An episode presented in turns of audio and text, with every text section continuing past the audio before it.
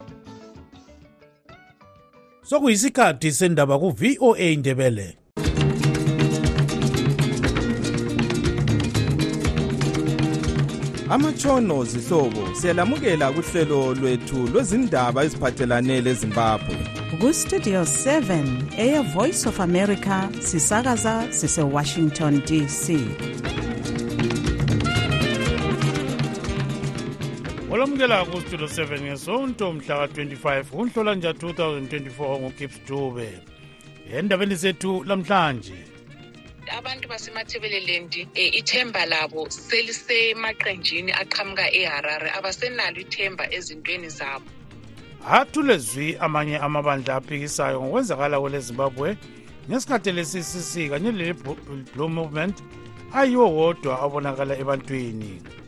loba ubaba unkomo engathatha inyoka ayibukeze ngamafulawuzi ayigaxa amafulawuzi entanyeni lapha akusebenzi isala iyinyoka ithwele iphoyisen isikhalazo lesi esikancube kukhomba sobala ukuthi hhayi abala ma-supporters bakhathazekile abanye abantu ezimbabwe ngokwenziwa ngamanye amalunga ebandla lezanu p f afuna umongameli emazomnangagwa afele esikhundleni salethulela ezabatsha lezokhulu lwesikristu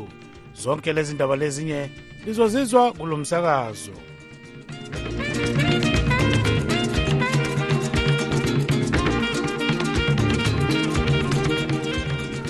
hatulezwi amanye amabandla aphikisayo ngokwenzakala kwele zimbabwe ngesikhathi lesi sisi kanye lenhlanganiso ye-blue movement kuyiwo wodwa abonakala ebantwini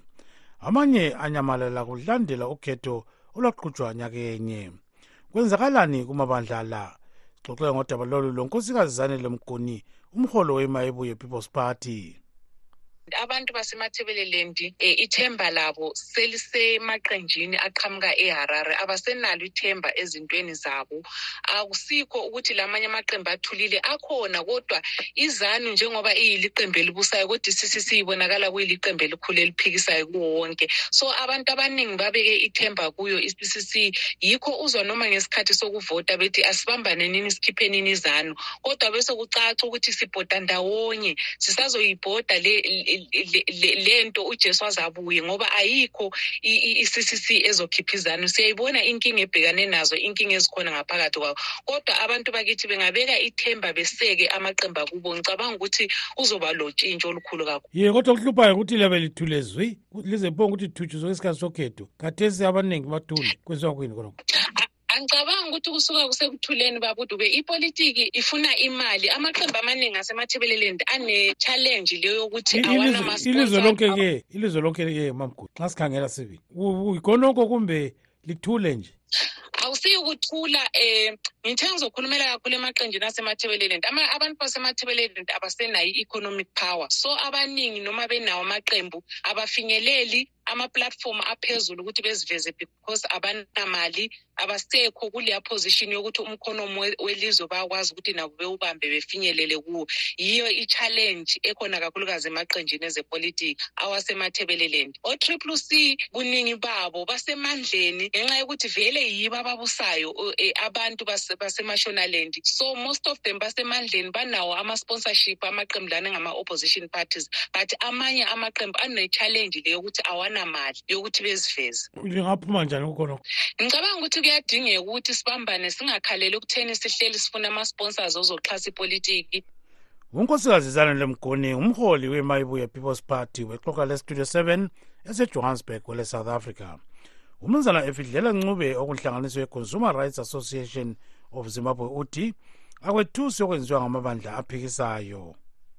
isiko lethu lezepolitiki salithathela kakhulu kuma-british andise ukuthi kube lephathi enkulu eh, lenye elandelayo abe mabili amaphathi abanzi ezincede kakhulu yebo kambe ikhona eyesithathu kumbe eyesine um izikhathi eziningi layo ibe khona ephalamende kodwa la amabili yiwo ajwayele ukuthi abe ntshintshana umbuso njalo nje kona lokho kwangena kithi kakhulu njengoba phela isiko lezepolitiki njalo lathathela khonale kusabelungu lakho kunjalo erodizia kwakule phathi enkulu lencane elandelayo emabili amakhulu ngesikhathi seliberation stratl kwakulezanu lezaphu emabili amaqembu ngabo-1980s uzananzelela ukuthi kwakuyizanu lezaphu ungabali i-rhodesian front le eyayilama-city ewabekelwe abelungu ngabo-1990s ubona izanu p f ye-unity court lezanu ndonga yizo ezisephalamende kusuka ngo-2000 ubona i-mdc isiya njalo ilokhu itshintsha amagama kuze kufike lapho ngo-2018 isiyi-mdc alliance ngemva kwalokhu ubona sokusiza i-triple c iyiyo ephikisana lezanu inkulu kulawo wonke amanye amaqembu namhlanje sokukhulunywa nge-triple c le-blue le, le movement ye ngiyakuzwa kakhulu baba ncube kodwa kuyahlala kunjalo yini kubangwa yilona leli siko lokuthi abantu bakhangelele ukuthi kube leqembe eliphikisayo leqembe elisembusweni eliphikisayo nelisembusweni kanjalo yikho kungamangalisi ukuthi kuzwe kukhulunywa lezi zinto asifani labantu be-south africa kupolitiki yethu asifani labantu be-northern europe asifani labantu be-southern europe abalalokho okuthiwa ngesingisi phecelezi consensual politics e-proportional representation eyenza ukuthi kube lamaqembu amaningi asephalamende thina yethu siyithathele kakhulu emangisini lapho oyabe uthole ukuthi mabili amaphathi amakhulu amanye mancane kumbe vele kayikho enye esephalamende yikho okubanga khona lokhu esikubonayo namhlanje le ngxoxo lethi blue movement triple c blue movement triple c kumbe zanu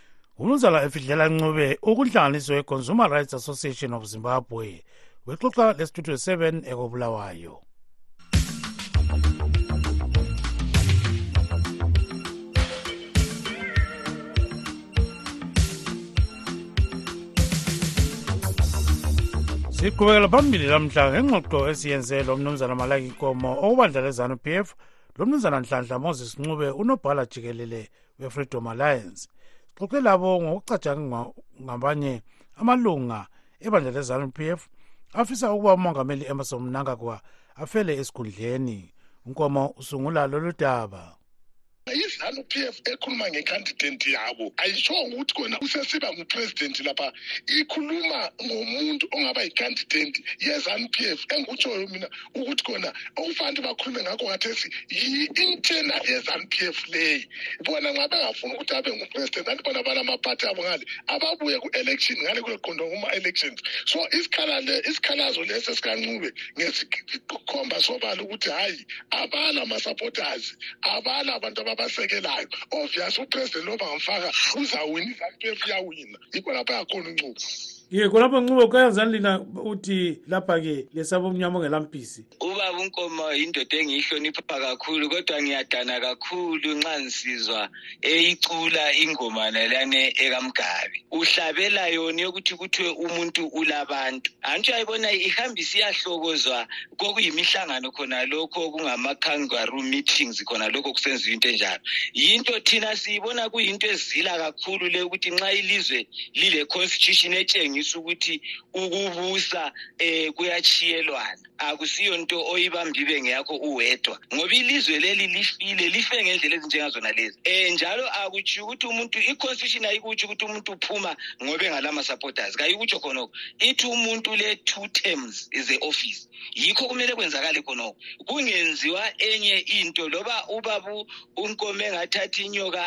ayibukeze ngamafulawuzi ayigaxa amafulawuzi entanyeni lapha akusebenzi isala iyinyoka ithwele iphoyisen khonapho nkomo nxa ungalanzelela ibandla lezanu p f lisanda kunqoba kuma-by elections so abantu bahle bathi um kukhona okutshaya amanzi amnyama yindaba kuxotshiswa abantu be-ccc izanu inqobe badinga ukuthi babe labantu abaningi ephalamende asikho khona gogo ama-elections esangenayo kuwothi nasangena ngoba abantu sebexotshiwe kumabandla abo njalo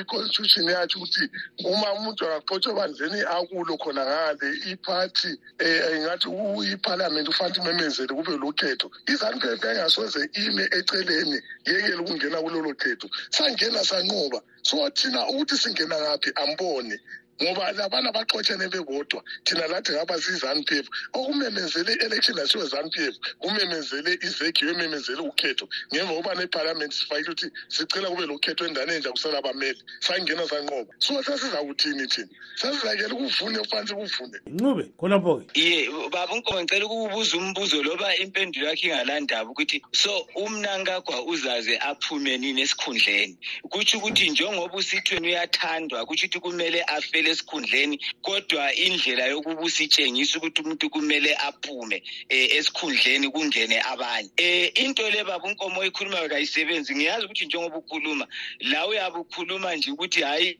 angithi isobho isibekiwe la uzakhothakhothi eceleni khonapho kodwa into elizayitshiyela ilizwe uyabona ukuthi umnankagwa ngumuntu okucina ukuthi avumele abantu bekhuluma inkulumo efana lale inkulumo eyayimhluphi hanji senziwa ngumgabe um bebelograce namhlanje sebesenza labo into efanayo lokhu kutshengisa konke esihlala sikutsho ukuthi akulaza new dispensation la um kuza nje into efanayo lufudu lokhe nje luthwele wona lana amakhwakhwara la alo kalutshintshanga lungaze lubuye soluzenza ini kodwa siyakubona ukuthi lufudu olukhona futhi ngiyabonga ukuthi kugcwaliseke khonoko ngoba into eyenzakalayo igcwalisa khonoko so kumele kuze kube labanye asebemkhipha ngenkani njengesikhathi sikamgani kambe uzakhitshwa mhm. ngenkani kuze kube lizakhiphana ngenkani kuze kube kangaki ye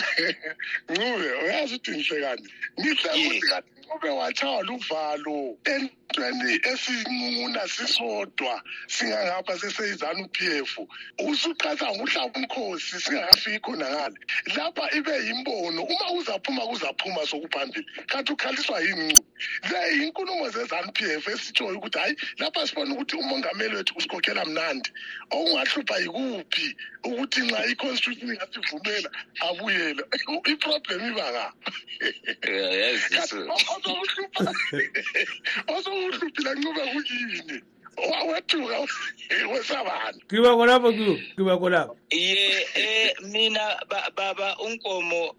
okungethusayo yikuthi ngingumuntu ohlonipha i-constitution isisekelo sombuso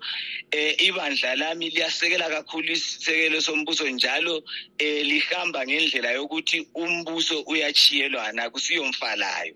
eh ilizwe leZimbabwe lile constitution siyayihlonipha kakhulu i-constitution yalo sifisa ukuthi kube izanu eh belobumnankagwa eh labo eh, lawe liyavuma ukuthi lani ke lisilidonse like lisilandele ekwenzeni into ngendlela efaneleyo lingasithwaliseli abantwana lithwalise ilizwe babunkomo ngento eliyenzayo yinto ezilayo kakhulu le yebo ngicela ukubuza ncube khonapho ngicela ukubuza i-constitution leyo okhuluma ngayo ayitsho yini i-two-thirds majority ukuthi le mvumo eyokuthi nxa ibefuna upresident aqhubeke bamngezelela i-constitution ayikutsho yini khonokho lapha lizwe umnumzana malaki nkomo webandla lezanu p f lo mnumzana nhlanhla moses ncube unophala jikelele wenhlanganiso yefreedom alliance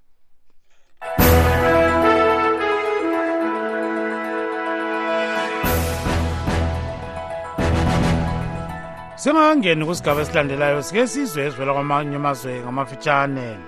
lele-ukraine lidinga izikhali zokulwisana le-russia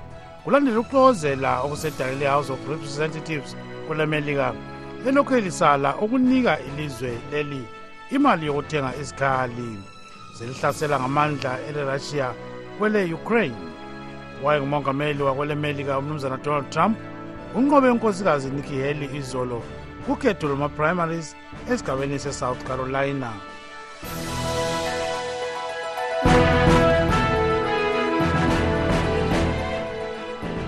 sokisikhathi sezamasiko sigcina amasiko akwenu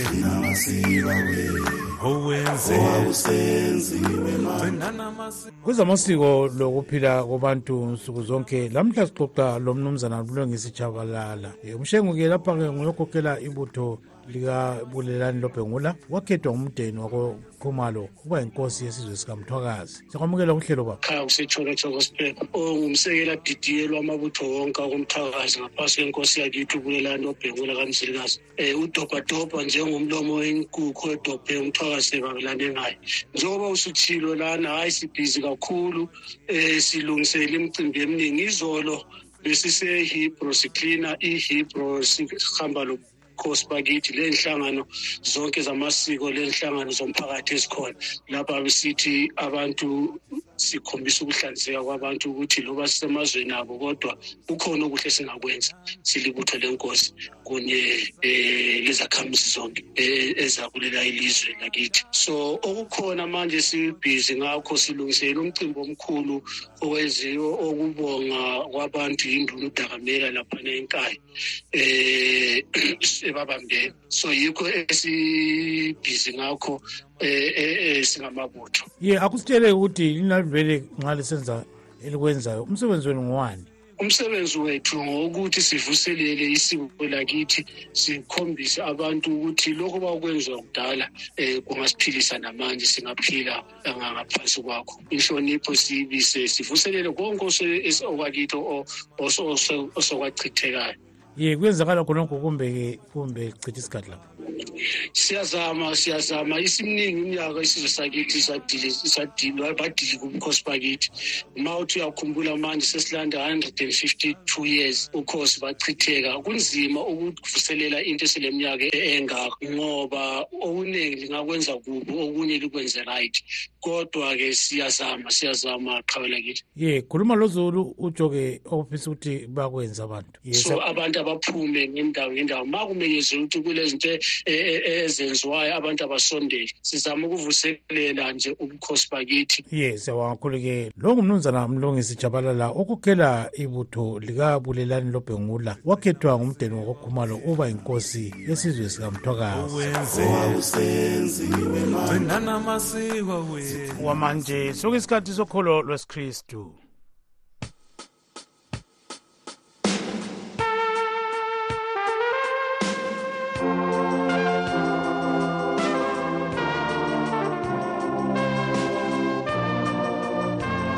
siyahlangana zihlobo ezithandekayo kuhlelo vuselela umoya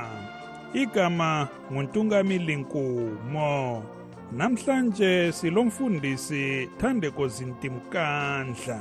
usiphatheleni mfundisi ngeviki eledlule sikhangele indaba kaluka chapter 8 verse ka-23 lelika-24 sakhuluma ngabafundi behamba lojesu besesikepeni elwandle kwavuka isiphepho ujesu kuthiwa wayelele mhlawumbe wayekhathele eh, njengoba laye wayelakho ukuba ngumuntu njengathi into-ke kuthiwa abafundi-ke bathi kuvesi 24 nkosi nkosi safa ilizwe ngelizwe lingafananiswa lomkhumbi oselwandle abahlala kulelo lizwe bahlangana lobunzima obuningi ngezikhathi ezishiyeneyo bahlangana labo ubunzima lobo umuntu ngamunye ngamunye abanye ke bahlangana labo ubunzima lobo njengelizwe nxa sibheka ke sikhangele ilizwe lakithi elezimbabwe mhlawumbe lamanye amazwe kodwa ngikhuluma ngaleli engihlala kulo izivunguvungu ziningi kakhulu akulamsebenzi akulamali amanzi ahlupha emadolobheni lasemakhaya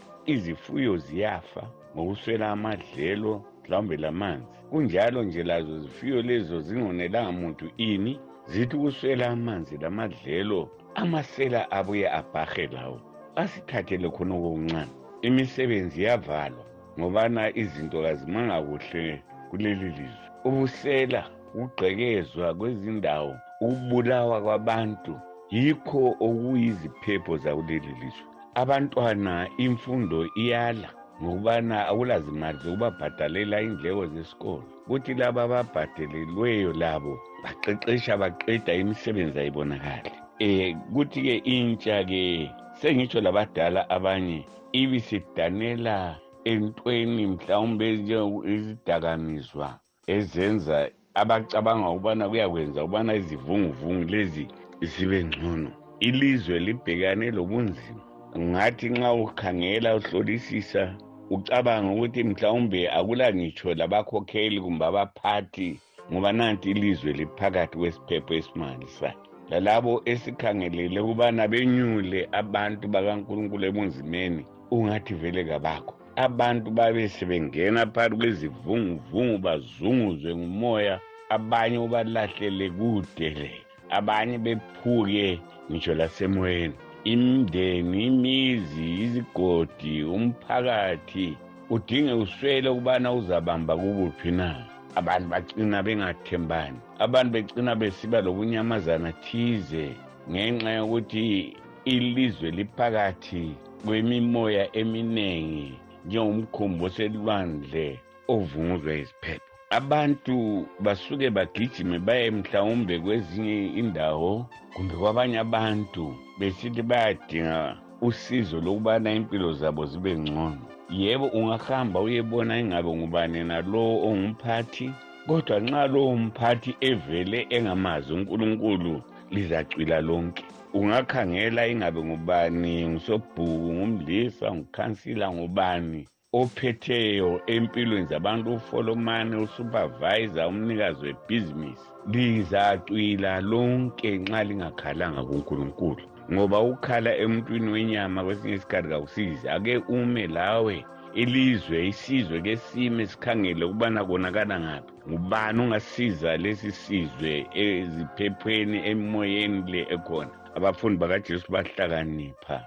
baya kujesu bathi nkosi nkosi safa sifiso sami kubana sonke sikhale kunkulunkulu ngeziphepho lezi esihlangana lazo ukuze asisize asikhulekeni nkulunkulu ungavumi ubana ekufeni kwalesi sizwe kuze kufe labantu bakho thulisa iziphepho zakuleli lizwe ngojesu ngiyakhuleka amen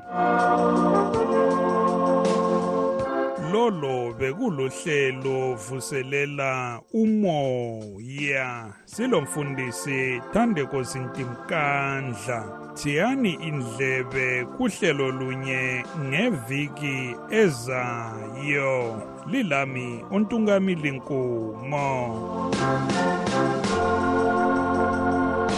siyabonga kakhulu ntukameli inkomo ungathinelwa kusasa sonke isikhathi sezabatsha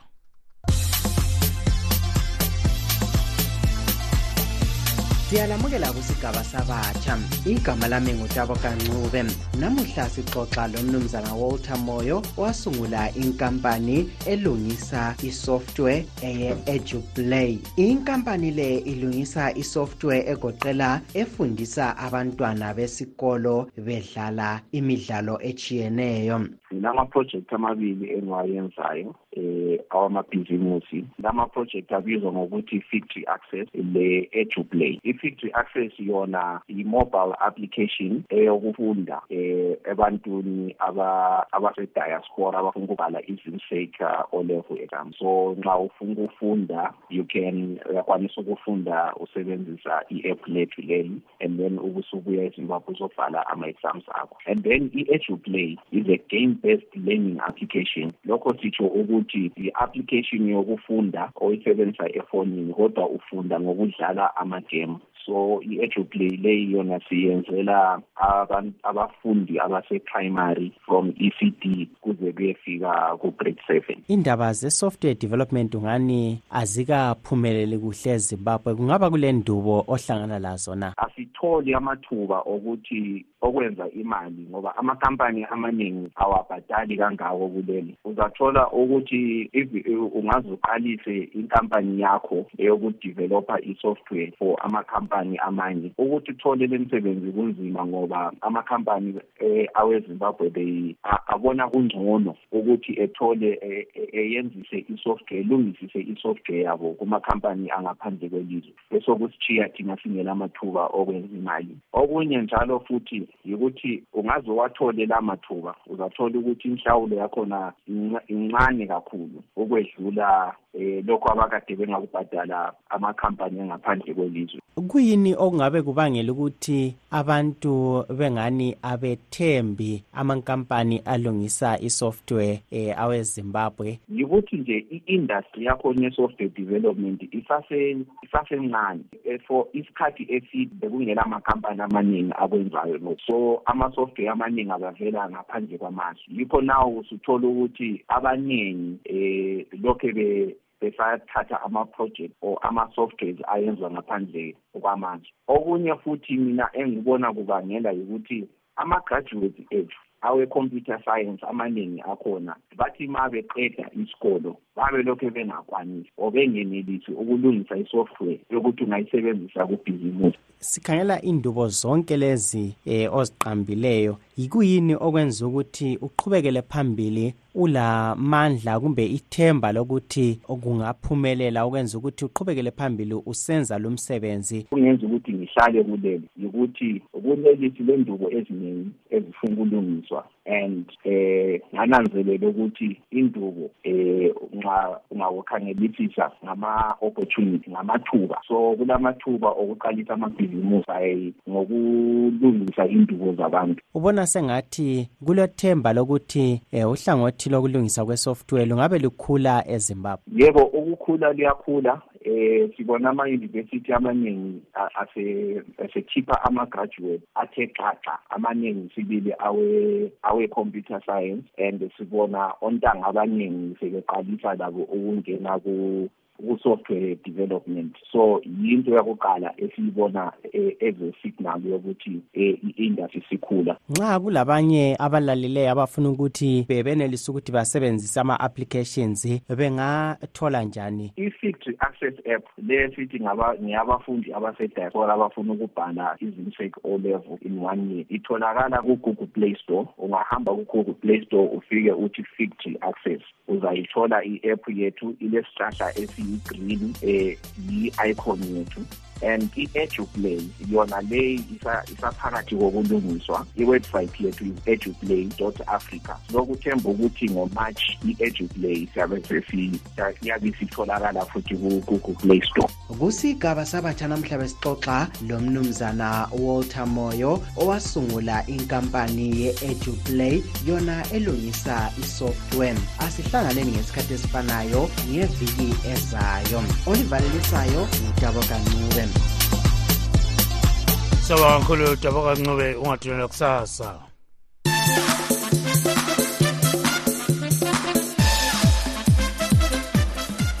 wezemidlalo intatheli indaba yethu yezemidlalo ujoseph njanjiwe uzothulela ingxoxo ayenze lowayengumdlali wokweqa ujuma phiri ubephethe imbali yokuba nguye umuntu oweqa wafika ebangeni eliphezulu kwelezimbabwe kusukela ngomnyaka ka-1999 kusiya umnyaka ka-2022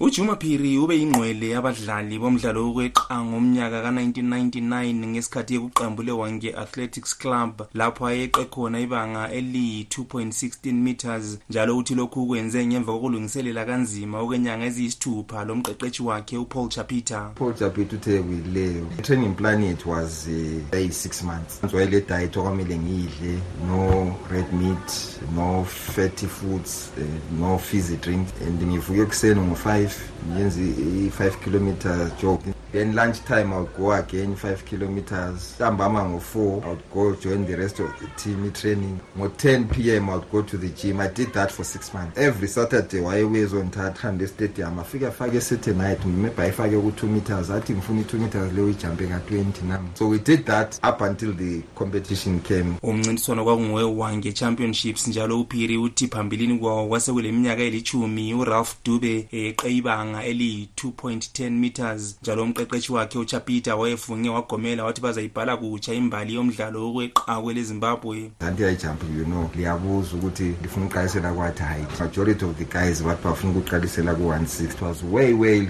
too low for me wonke they were out by 185 mina ngingaqali ukujump so mina my first attempt was it 195 i jumped it 2 meters i jumped it the national record then was 210 then after jumping two meters i opted the veifai ku215 215 I cleared it with the third attempt and I refused to proceed. Ngemva kweviki kwaba lomunye njalo umncintiswano owaqhutshelwa enkundleni ye-National Sports Stadium lapho uPhiri ayeqe khona 2.16 meters. Ngokuswelakala kwenhlanhla uPhiri usuke walimala ngesikhathi elungiselela ukuphatheka komncintiswano we-All Africa Games oqhutshelwe elizweni le-South Africa ngo-1999. I sustained uh, an injury, particular tendon yami ruptured when I was in South Africa, when I was preparing for the All Africa Games. but I recuperated after an operation and came back strongly. Ngo-2019 uMike Kwenda oweqembu le-University of Zimbabwe laye wenelise ukweqa 2.16 meters kuthi uKhuda Kwashe Chadenga oselizweni laseMelika nguye oze weqa ibanga eledlula lapho ngo-2022 lapho ayeqe khona 2.22 meters. uphiri uzalelwe edolobheni lakobulawayo ngomnyaka ka-1973 njalo ufunde izikolo ezibalisa igampu ihenry law kanye lehamilton high ngemva kokuma ukudlala uphiri usebenze ewange engumqeqetshi waphinda njalo wasebenzela inhlanganiso ezibalisa esport and recreation commission ishangani kanye lemona africa engumlawuli wezemidlalo ngemva kwalokhu usebenzele amaqembu omdlalo wenguqu abalisa ele chicken inn kanye lele talent vision ikanti kulezi nsuku usebenzela ele arinel lona elingene lonyaka kusigaba ekhasi laka premier soccer league ngimele istudio 7 ngobulawayo ngingujoseph njanji bekulo mcimbi we-national arts merit awards kobulawayo izolo lapho umculi othakazelelwa ngabanye ezimbabwe uwinki d athole icoco sepeoples choice awards ujapraiser uthole isicoco